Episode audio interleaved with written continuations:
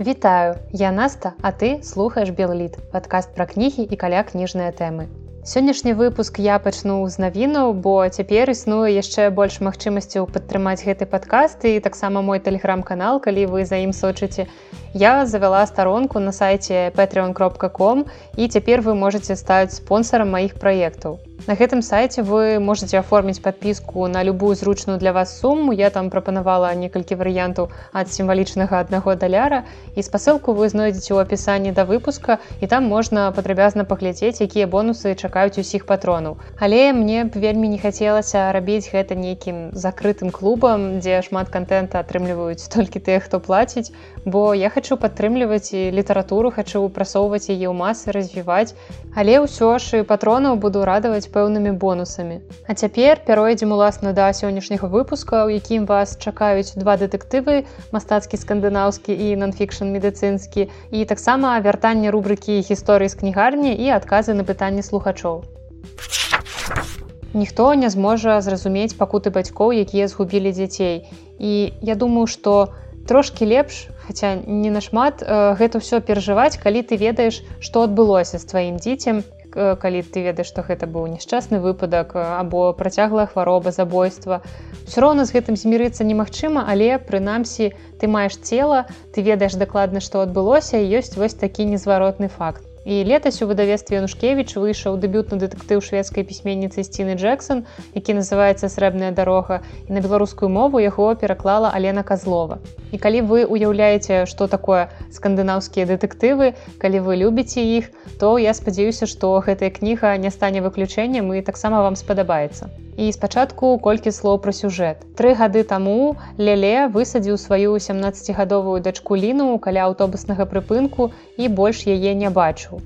І бацькі хвалююцца за дзяцей заўсёды і колькі тым не было гадоў 40-15 і бацькі заўжды сябе абвінавачваюць у тым, што з дзецьмі нешта здарылася. І таму ўсе гэтыя тры гады жыццё леле прасякнутае пачуццём віны, якое яшчэ пагаршаецца словамі жонкі, бо яна таксама лічыць, што вінаваты леле, бо ён пакінуў дачку адну, ён не дачакаўся, пакуль яна сядзе ў аўтобус, ён з'ехаў. І праўда, жонка леле яна змірылася з тым, што дачку больш не ўбачыць, хаця яны не ведаюць, што з ёй адбылося. Просто тры гады таму яна знікла і ніякай інфармацыі, ці яна забітая, ці яна жывая. Ніхто не патрабаваў грошы за яе. Яе цела таксама не знайшлі. І вось маці з гэтым змірылася, А бацька не змірыўся і таму яны разышліся. І для леле пошук кліны становіцца сэнсам жыцця, гэта ўсё, што цяпер яго займае і ёсць яшчэ алкаголь які становіцца пэўным выратаваннем і магчымасцю рабіць хоць нейкія перадышкі бо калі ён п'е ён на пэўны час можа адключаецца забывае пра тое што з ім здарылася і таксама ён бясконца ездзіць па срэбнай дарозе і назірае за людзьмі бо раптам сярод іх усё яшчэ ёсць той хто ў адказе за лёс ягонай дачкі. І паралельна з гэтай з'яўляецца ў кнізе яшчэ адна сюжэтная лінія. Гэта дзяўчынка мэя і яе маці. Яны пастаянна пераязджаюць яны шукаюць лепшае жыццё бо маці пастаянна звязваецца з нейкімі не тымі мужчынамі. І вось нарэшце ў яе ёсць нейкі новы мужчына да якога яны ўласна і едуць. І гэта чарговы пераезд. І ці стане ён апошнім і як увогуле лёс мэя будзе звязаны з лёсам лелі. Навошта нам цяпер у раптам увялі ў кнігу гэтую сюжэтную лінію гэты твор даволі просты дэтэктыў якім вы я думаю даволі хутка самастойна высветліць імя злачынцы. Тут нейкай такой закручанай інтрыгі няма. І я напрыклад пачала здагадвацца хто злачынца прыкладна на палове кнігі можа нават раней. І калі пачалася другая частка я ўжо дакладна была ў гэтым упэўненая. У мяне не засталося ніякіх сумневаў тым што менавіта гэты чалавек за ўсё ў адказе. Але ад таго што я гэта ўжо ведала ці ўяўляла то твор ну зусім не стаў горшым бо там ёсць шведскія пейзажы атмасфера безвыходнасці непрывабныя персонажы гэта тое што мне вельмі падабаецца ў літаратуры. Гэта холодная скандынаўская глыбінка цёмныя лясы у якіх можа просто што заўгодна адбыцца. Гэта ўвогуле змрочная трывожная сямейная драма нават больш чым дэтэктыў. Сапраўды гэта сацыяльная драма пра бацькоўскую апантанасць пра патуранне сваім фізіялагічным патрэбам і пра сілу сям'і пра тое наколькі важна мець моцную сям'ю, але часам гэтая сям'я можа цябе прывесці зусім не ў той бок, які трэба. Першая частка кнігі больш зацягнутая, яна даволі няспешная. Каб вы паспелі прасякнуцца атмасферай мясцовасці атмасферай самой кнігі і каб холад вам пад скуру залез каб рэальна было холодна чытаць гэтую кнігу і страшна. А другая ўжо больш дынамічная падзейная і мне было даволі цяжка паверыць у тое што гэты твор гэта аўтарскі дэбют. І дарэчы у Джексон ужо выйшла другая кніга якая перакладзена ўжо напрыклад на рускую мову я называется последні снег Я думаю што таксама трэба чытаць спадзяюся што гэта будзе не горш бо скандынавы сапраўды умеюць пісаць атмасферныя дэтэктывы і праўда нягледзячы на тое што я так захаплялася той атмасферай глыбінкі якую апісвае Джексон жыць мне там дакладна б не хацелася Другая кніга ў сённяшнім выпуску напісаная ў даволі незвычайным жанры, бо з аднаго боку гэта тыповы нон-фікшн, а з іншага сам аўтар называе свой твор медыцынскім дэтэктывам. І гэта кніга Стывена Джонсона карта призраков как самая страшная эпідемія халеры в віктарыянском Лондоне изменила науку города і современный мир. У перакладзе на рускую мову яна выйшла летась у выдавецтве бамбора. Насколько нам известно, вируса, который вызвал международную панику, еще не существует. І тут варта зрабіць такую рэмарачку, што хаця кніга ў двадцатым годзе толькі выйшла ў перакладзе на рускую мову, але напісаная яна была яшчэ ў 2006 годзе і тады Стывен Джонсон яшчэ нічога не ведаў, з чым мы будзем цяпер сутыкацца. І думаю, многія з вас бачылі на вуліцах горада ці калі вы жывяце ў вёсцы, вы бачылі звычайныя сінія водазаборныя калонкі, з якіх мы можам браць ваду. І з кожным годам, напрыклад, у мінску іх становіцца ўсё менш, бо дамы ў прыватным сектары або зносяцца, або атрымліваюць доступ да цэнтралізаванага водазабеспячэння, але ўлады таксама яшчэ клапоцяцца пра тое, каб не было няўлічанага забору вады. Бо на калонку, напрыклад, лічыльнік не паставіш, а хто ж будзе плаціць за гэтую ваду. І дарэчы, у калонак, якія яшчэ пазаставаліся ўсё ж у прыватным сектары у сталіцы, у іх звычайна няма ручак, бо ў жыхароў суседніх з калонкай дамоў ёсць спецыяльная здымная ручка, і я лічу што гэта цуд інжынернай думкі просто тэхналогіі будучыні. І ў студзені я прачытала медыцынскі дэтэктыўны трылер пра тое як падобная калонка ў 19 стагоддзі забівала людзей. Гэта ўсё адбывалася на брод-стрыт у лондоне дзе ад халеры за некалькі дзён памерла больш за 600 чалавек. Джон сноу Ничего ты не знаешь, Джон Сноу. Не той, які нічога не ведае, які лекар. Ён ідзе па следзе і спрабуе знайсці прычыну захворвання. І давайте спачатку разбірацца ў механізмах хваробы, як увогуле можна заразіцца халерай, бо ў нас час здаецца, што гэта нешта такое з мінулых стагоддзяў зусім далёкае ад нас. І далей тут будзе інфармацыя не для слабанерных. Бо каб заразіцца халерай, трэба выпіць ваду або з'есці прадукты заражаныя бактэрыямі. І часцей за ўсё яны прысутнічаюць у фекаліях чалавека, А гэтага дабра на вуліцах Лондона ў сярэдзіне 19 стагоддзя дакладна хапала.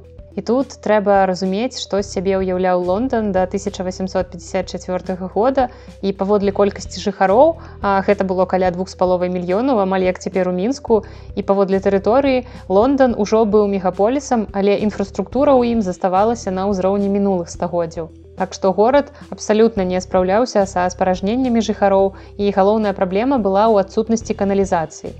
Бо куды дзяваліся адходы чалавечай жыццядзейнасці ў той час, як бы нікуды яны не дзяваліся і часцей за ўсё яны выліваліся проста ў канаву ўздоўж дарог. А потым усё гэта трапляла ў ваду, якую людзі бралі з калонак. І ну я думаю, вы зразумелі ўжо схема распаўсюджвання бактэрый, якая была. І галоўнае пытанне, якое, цікавіла найлепшыя розумы эпохі ў той час што нам рабіць з усім гэтым дзярмом і гэта ва ўсіх сэнсах На жаль у тыя часы медыцынская дыягностыка яшчэ не была развітая і ў галовах у людзей хапала цемрашальства таму ўзніклі вялікія праблемы з вызначэннем кораня ўсёй гэтай бяды і сітуацыя пагаршалася тым што у той час была вельмі распаўсюджаная тэорыя міязмаў людзі думалі што ва ўсім вінаватае толькі бруднае паветра бо ў ім знаходзяцца нейкія шкодныя рэчывы і вось так яно атручвае арганізм нам. Але Джон Сноу, той які лекар, ён усё павырашаў і стаў адным з заснавальнікаў сучаснай эпідэміялогіі і піянерам медыцынскай гігіены. А ўся гэтая эпідэмія халеры стала штуршком да будаўніцтва каналізацыі і гэта быў сапраўды грандыёзны праект. Ён аказаўся не менш працаёмкім, чым тая шэйфелева вежа, і гэта сапраўдны суд інжынернага мастацтва і цяпер вы разумееце чым трэба захапляцца калі вы раптам будзеце ў лондоне не глядзіце на тауэрці напрыклад букінгемскі палац глядзіце сабе под ногі і шукайце люкі і дарэчы адзін са слухачоў падкаста мне неяк сказаў што яму вельмі падабаюцца мае ўстаўкі з жыцця калі я расказваю нейкія свае сямейныя гісторыі што ў мяне адбывалася то тады вось калі ласка атрымайце вам яшчэ адна моя сямейная гісторыя. Бо калі я была малая то вельмі часта гуляла са сваім дзядулем з тым дзядулем які ў горадзе з намі жыў. Ён быў сапраўды маім найлепшым сябрам гэта той чалавек ад якога ў мяне ў спадчыну засталася вялікая бібліятэка які ўвогуле шмат у спрыяў таму каб я пабольш чытала ён заўжды купляў мне кніжкі. І ён мяне забіраў з дзіцячага садка. Ён забіраў мяне са школы просто мы з ім гулялі. І шмат гадоў ён працаваў ліцейшчыкам металургам на заводзе. І падчас нашых шпацараў ён заўжды звяртаў маю увагу на люкі расказваў што на працы сам робіць такія шлюкі і вось дзядулі на жаль ужо няма 10 гадоў з намі. Але ў мяне ўсё яшчэ засталася звычка глядзець под ногі і шукаць люкі і мне гэта падабаецца а кніга карта призраков напісаная вельмі лёгка гэта такі навукова-папулярны твор але ён напісаны простай мовай і на самай справе яна чытаецца як дэтэктыў дзе ёсць злачынства. і ёсць галоўны герой які яго расследую і ўсё гэта ў атмасферы віктарыянскага лондона. І гэта ну як бы не шэдэўру я паставіла гэтай кнізе 4 з 5 але твор даволі актуальны і цікавы на пару вечароў. І галоўнае я думаю што пасля гэтага чытання каб вы не падхабілі нейкае абсесіўна-кампульсіўнае расстройства і потым суткамі лихаманкава не пачалі вымываць кватэру на ўсялякі выпадак каб пазбавіцца розных бактэрый вірусаў. а Неяк у адным з ранейшых выпускаў, а дакладна ў 12 я рассказывала вам некалькі гісторый з маёй працы ў кнігарні. І трэба сказаць, што вашы добрыя каменты і пазітыўны фідбэк мяне натхнілі на тое, каб прабіць гэту рубрыку ўвогуле рэгулярнай. І таму сёння вас чакае чарговая порцыя такіх вясёлых цікавых гісторый, якія адбываюцца ў мяне на працы.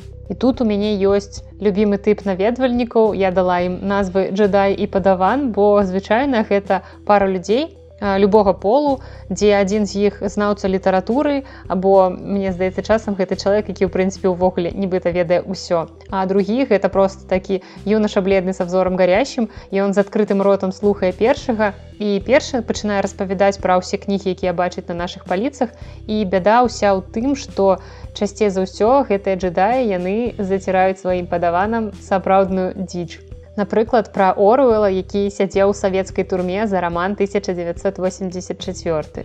І на жаль, такія людзі даволі часта сустракаюцца ў жыцці, як усе гэтыя матывацыйныя коучы, якія вешаюць вам макарохі на вушы, а самі сябе нічога не ўяўляюць. І я ўвогуле люблю, калі людзі прыхожа гавораць, я ім зайздрошчу нават таму, магчыма, я не валодаю гэтым. Але я люблю, калі гавораць па справе, калі не льюць ваду вушы даверлівых слухачоў. І мяне, напрыклад, даволі складана забалбатаць, як, напрыклад, нейкая цыганка на рынку, таму бойцеся такіх балбатуноў. А яшчэ ёсць такая цікавая штука, як водгукі на Google ці Яндекс картах. І у нас уже сабралася невялікая калекцыя водгукаў ад наведвальнікаў на Google бізнес.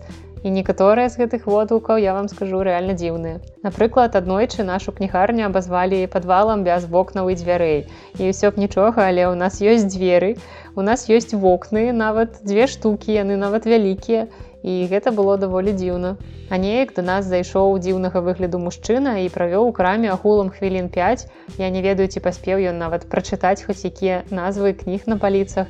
І праз паўгадзіны ад гэтага мужчыны прыляцела адзнака адзін. Я яго пазнала па фотцы ў профілі і я зайшла паглядзець, якія ж ён увогуле ацэнкі ставіць іншым месцам, ці можа гэта канкрэтна мы яму не спадабаліся. І ён ставіў адзінкі ўсім вакол, ён за апошнюю гадзіну просто паставіў одну зорачку амаль кожнай установе на грушаўцы ў нашым раёне і прычым ён у каментах нічога не пісаў Я думаю что гэта можа просто хвароба такая. Яшчэ бываюць людзі якія ў каментах да адзнакі пішуць якія мы выдатныя як у нас цудоўна а самі ставяць тры ці чатыры зорачкі. І тут даволі цікава мне хацелася б усё ж такі высветліць што з намі не так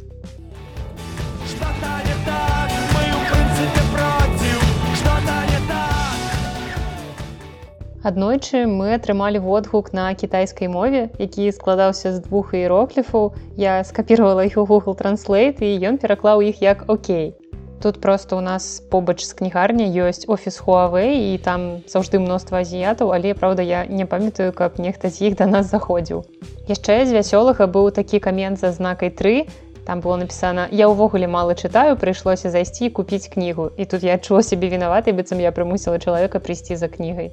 Але ўсё роўна нягледзячы на гэта больш запамінаюцца добрыя водгукі напрыклад калі пішуць пра прафесіяналізм прадаўцоў бо выдатна атрымліваць пазітыўныя водгукі ўсё ж такі в сваёй працы. І дарэчы у нас яшчэ ёсць папяровая кніга водгукаў яна праўда больш для выставаў. І аднойчы мы там знайшлі запіс са словамі прыгожая дзяўчына прадавец Таму калі вам не лянота пакінуць адзнаку нейкай установе, то варта патраціць яшчэ хаця б хвілінку свайго часу, каб напісаць камент хаця б з парай сказу. А ў канцы сённяшняга выпуска я крыху паадказваю на вашы пытанні. Іх можна задаць або ў Google форме па спасылцу ў апісанні, або калі вы слухаеце падкаст на саундклаудзе ці кастбоксе, то там ёсць наўпрост каментарый пад кожным выпускам можна пісаць там. або калі вы чытаеце мой тэлеграм-канал, то ў яго апісанні ёсць спасылка на мой тэлеграм уласны, туды таксама можна пісаць. І першае пытанне ад Канстанціна і я папярэджваю, што яно крыху балючае. У параўнанні з літаратурамі іншых малых нацый усходняй Еўропы, як вы ацэньваеце стан беларускамоўнай літаратуры? Ну тут я абшчэнне аб'ектыўнае, Таму што я беларускую літаратуру люблю і магу пачаць з пазітыўнага, што сярод іншых краінаў усходняй Еўропы у нас дакладна не найгоршы ўзровень развіцця літаратуры. Але Ну і ганарыцца нам таксама асабліва няма чым, але прынамсі мы маем ужо нобелеўскую лаўрэатку. Хаця ў палякаў, напрыклад, іх 5 і апошнія тры былі даволі нядаўна. Напрыклад, у 1980 годзе мой любімы чэслаў мілаш і таксама цудоўная веслава Шымборска ў 96, ну і безумоўна ольга такарчуку ў 2018. І гэта сапраўды аўтары, якіх добра ведаюць і любяць па ўсім свеце, але ж я цікаўлюся польскай літаратурай даўно я валодаю мовай. Але думаю што нават калі б я ёй не захаплялася я б все роўна пра іх нешта чула. І нават у венгрыі ў 2002 годзе з'явіўся свой нобелеўскі лаўрэат па літаратуры. Гэта імра кертас ён таксама сусветна вядомы аўтар Але вось у Малдовы, напрыклад, Славакіі, Украіны, Румыніі у іх такіх няма. І я не магу праўда сказаць, што ў сучаснай беларускай літаратуры, акрамя Алексеевич ёсць аўтары, якіх ведаюць у свеце, бо калісьці вось у савецкія часы у нас былі і быкаў і караткевіч і шамякін, яны былі добра знаёмыя хаця б у межах ССР, а гэта была даволі вялікая краіна. І цяпер мы такога нават не маем Ну, зараз як бы на расійскі рынок стараюцца выходзіць тыя ж бахарэвич марцінович але я думаю што гэта ўсё роўна ну не той узровень як быў раней у савецкія часы ў шамякіна ці караткевіча. І многія сучасныя нацыянальныя літаратуры знаходзяць сваю нішу. Напрыклад я сёння ўжо рассказывала пра скандынаўскі дэтэктыў. І сапраўды гэтыя краіны падарылі нам нэсбіо ларсана і іншых аўтараў якія і цяпер у топе дэтэктыўнага жанру Ну і лаўры скандынаваў не даюць спакою палякам, якія таксама вядомыя сваімі дэтэктыўшчыкамі і як кажуць самі палякі польска крыміналам стоі. І гэта сапраўды якасная літаратура, гэта не нейкая там данцова. І таксама яшчэ адзін жанр, які прыходзіць да галавы ў сувязі з польскай літаратуры гэта фэнтэзі. І я думаю, што вялікая заслуга тут сапкоўскага, які паказаў, што і польская фэнтэзі можа выходзіць на сусветны ўзровень. І цяпер можна назіраць усплёск цікавасці да польскага фэнтэзі на расійскім кніжным рынку. Яны пачалі перакладаць такіх вядомых польскіх фантастаў, як Яцак Дука і Павел Майка, Роберт Вегнер, Ярослав Гжандович, які, дарэчы, таксама і па-беларуску выходзіць. І ўвогуле пра польскую літаратуру я магу гаварыць бясконца, паколькі я ў ёй ну, даволі нядрэнна разбіраюся. Я сачу не менш, чым за беларускай і ў іх добра развіты кніжны рынок у кнігарні можна просто надоўга завісаць, разглядаючы якасць кніг і вочы разбягаюцца ад таго, наколькі там усё разнастайна. І мне здаецца, што ў іх у сучаснай літаратуры прадстаўленыя ну мабыць усе жанры. І зразумела, што нам пакуль да гэтага далёка і мы можемм таксама зайздросціць украінцам, у якіх таксама ўсё цудоўна ў плане кнігавыдання. І магчыма, іх сучасныя аўтары, ну не надта грымяць за мяжой але ў іх хапае таких мясцовых зорак. Напрыклад той жа Сергей жадан які ўжо ў нас таксама любімы і родны. Або яшчэ юры андрухович любка дэрыш Аксана забушка юры віннічук ну і іншыя аўтары. Але наша сітуацыя ў любым выпадку асаблівая. Мы не можемм сябе параўноўваць нейкімі іншымі краінамі бо мы самі маем праблему з існаваннем падзелу літаратуры на афіцыйную. І тут я не ведаю як назваць другую. Ну няхай будзе так на афіцыйную і на тую што сапраўды чытаюць. І праз усё гэта сапраўды якаснай беларускай літаратуры цяжэй прабівацца да свайго чытача затое дзяржаўную падтрымку маюць розныя пасрэднасці. І таксама не паляпшае сітуацыю моўнае пытанне і гэта ўсё просто не можа не адбівацца на стане літаратуры але нягледзячы на ўсё беларуская літаратура сапраўды развіваецца і не ведаю ці адказала я нармальна вам на пытанне але калі падсумаваць то магу яшчэ раз падкрэсліць што стан беларускамоўнай літаратуры ў параўнанні з літаратурамі іншых усходнееўрапейскіх краін не самы лепшы. Але я магу ўпэўнена сцвярджаць, што мы не ў заняпадзе, бо я жыву і працую гэтай сферы і бачу змены ў лепшы бок. Праўда, гэта калі не ўлічваць сітуацыю, якая цяпер склалася ў краіне, але я ўпэўненая, што мы ўсё гэта пераадолеем. Наступнае пытанне ці нават не пытанне парада ад Алексея. Прывітанне пані Наста, слухаў ваш пяты падкаст спадабалася. Дзякуй. Мачыма нават я буду вас перыядычна слухаць. Прапанова калі распавядаеце пра кнігі упамінайце кіно. Людзі зараз вельмі кінематаграфічныя. Памятаеце догму. З бібліі людзі памятаюць толькі тое што было экранізавана. Напрыклад можна было просто сказаць што фільм я робот з вілам смітам зняты па азімаву але гэта маленечкі кавалак бясконца цікавай кнігі Ну гэта так ерундовая заўвага. Вы самі прасілі прапаноў яшчэ раз дзякуй за тое што робіце. Пысы а жетон я цяпер абавязкова набуду. Раней думаў ці браць але зараз дакладна куплю Дзякуй вялікі алексею за добрыя словы. І сапраўды у наш час кіно таксама робіць даволі шмат для папулярызацыі літаратуры. І таму калі вы заўважылі то ў апошніх выпусках я заўжды ў размове пра кнігу стараюся згадваць яе экранізацыю калі на сапраўды варты ўвагі. Таму дзякуй яшчэ раз алексей за параду. І дарэчы у мяне яшчэ ёсць такая ідэя запісаць кінавыпуск падкаста у якім я параіла вам цікавыя фільмы звязаныя з літаратурай ці пісьменнікамі сапраўднымі ці выдуманымі. І калі вам гэта цікава то напішыце калі ласка мне пра гэта адным са спосабаў. Я казала пра іх раней. Гэта google форма каментары ці прыватнае паведамленне. А на гэтым я развітваюся. З вами была наста і падкаст белаліт да сустрэчы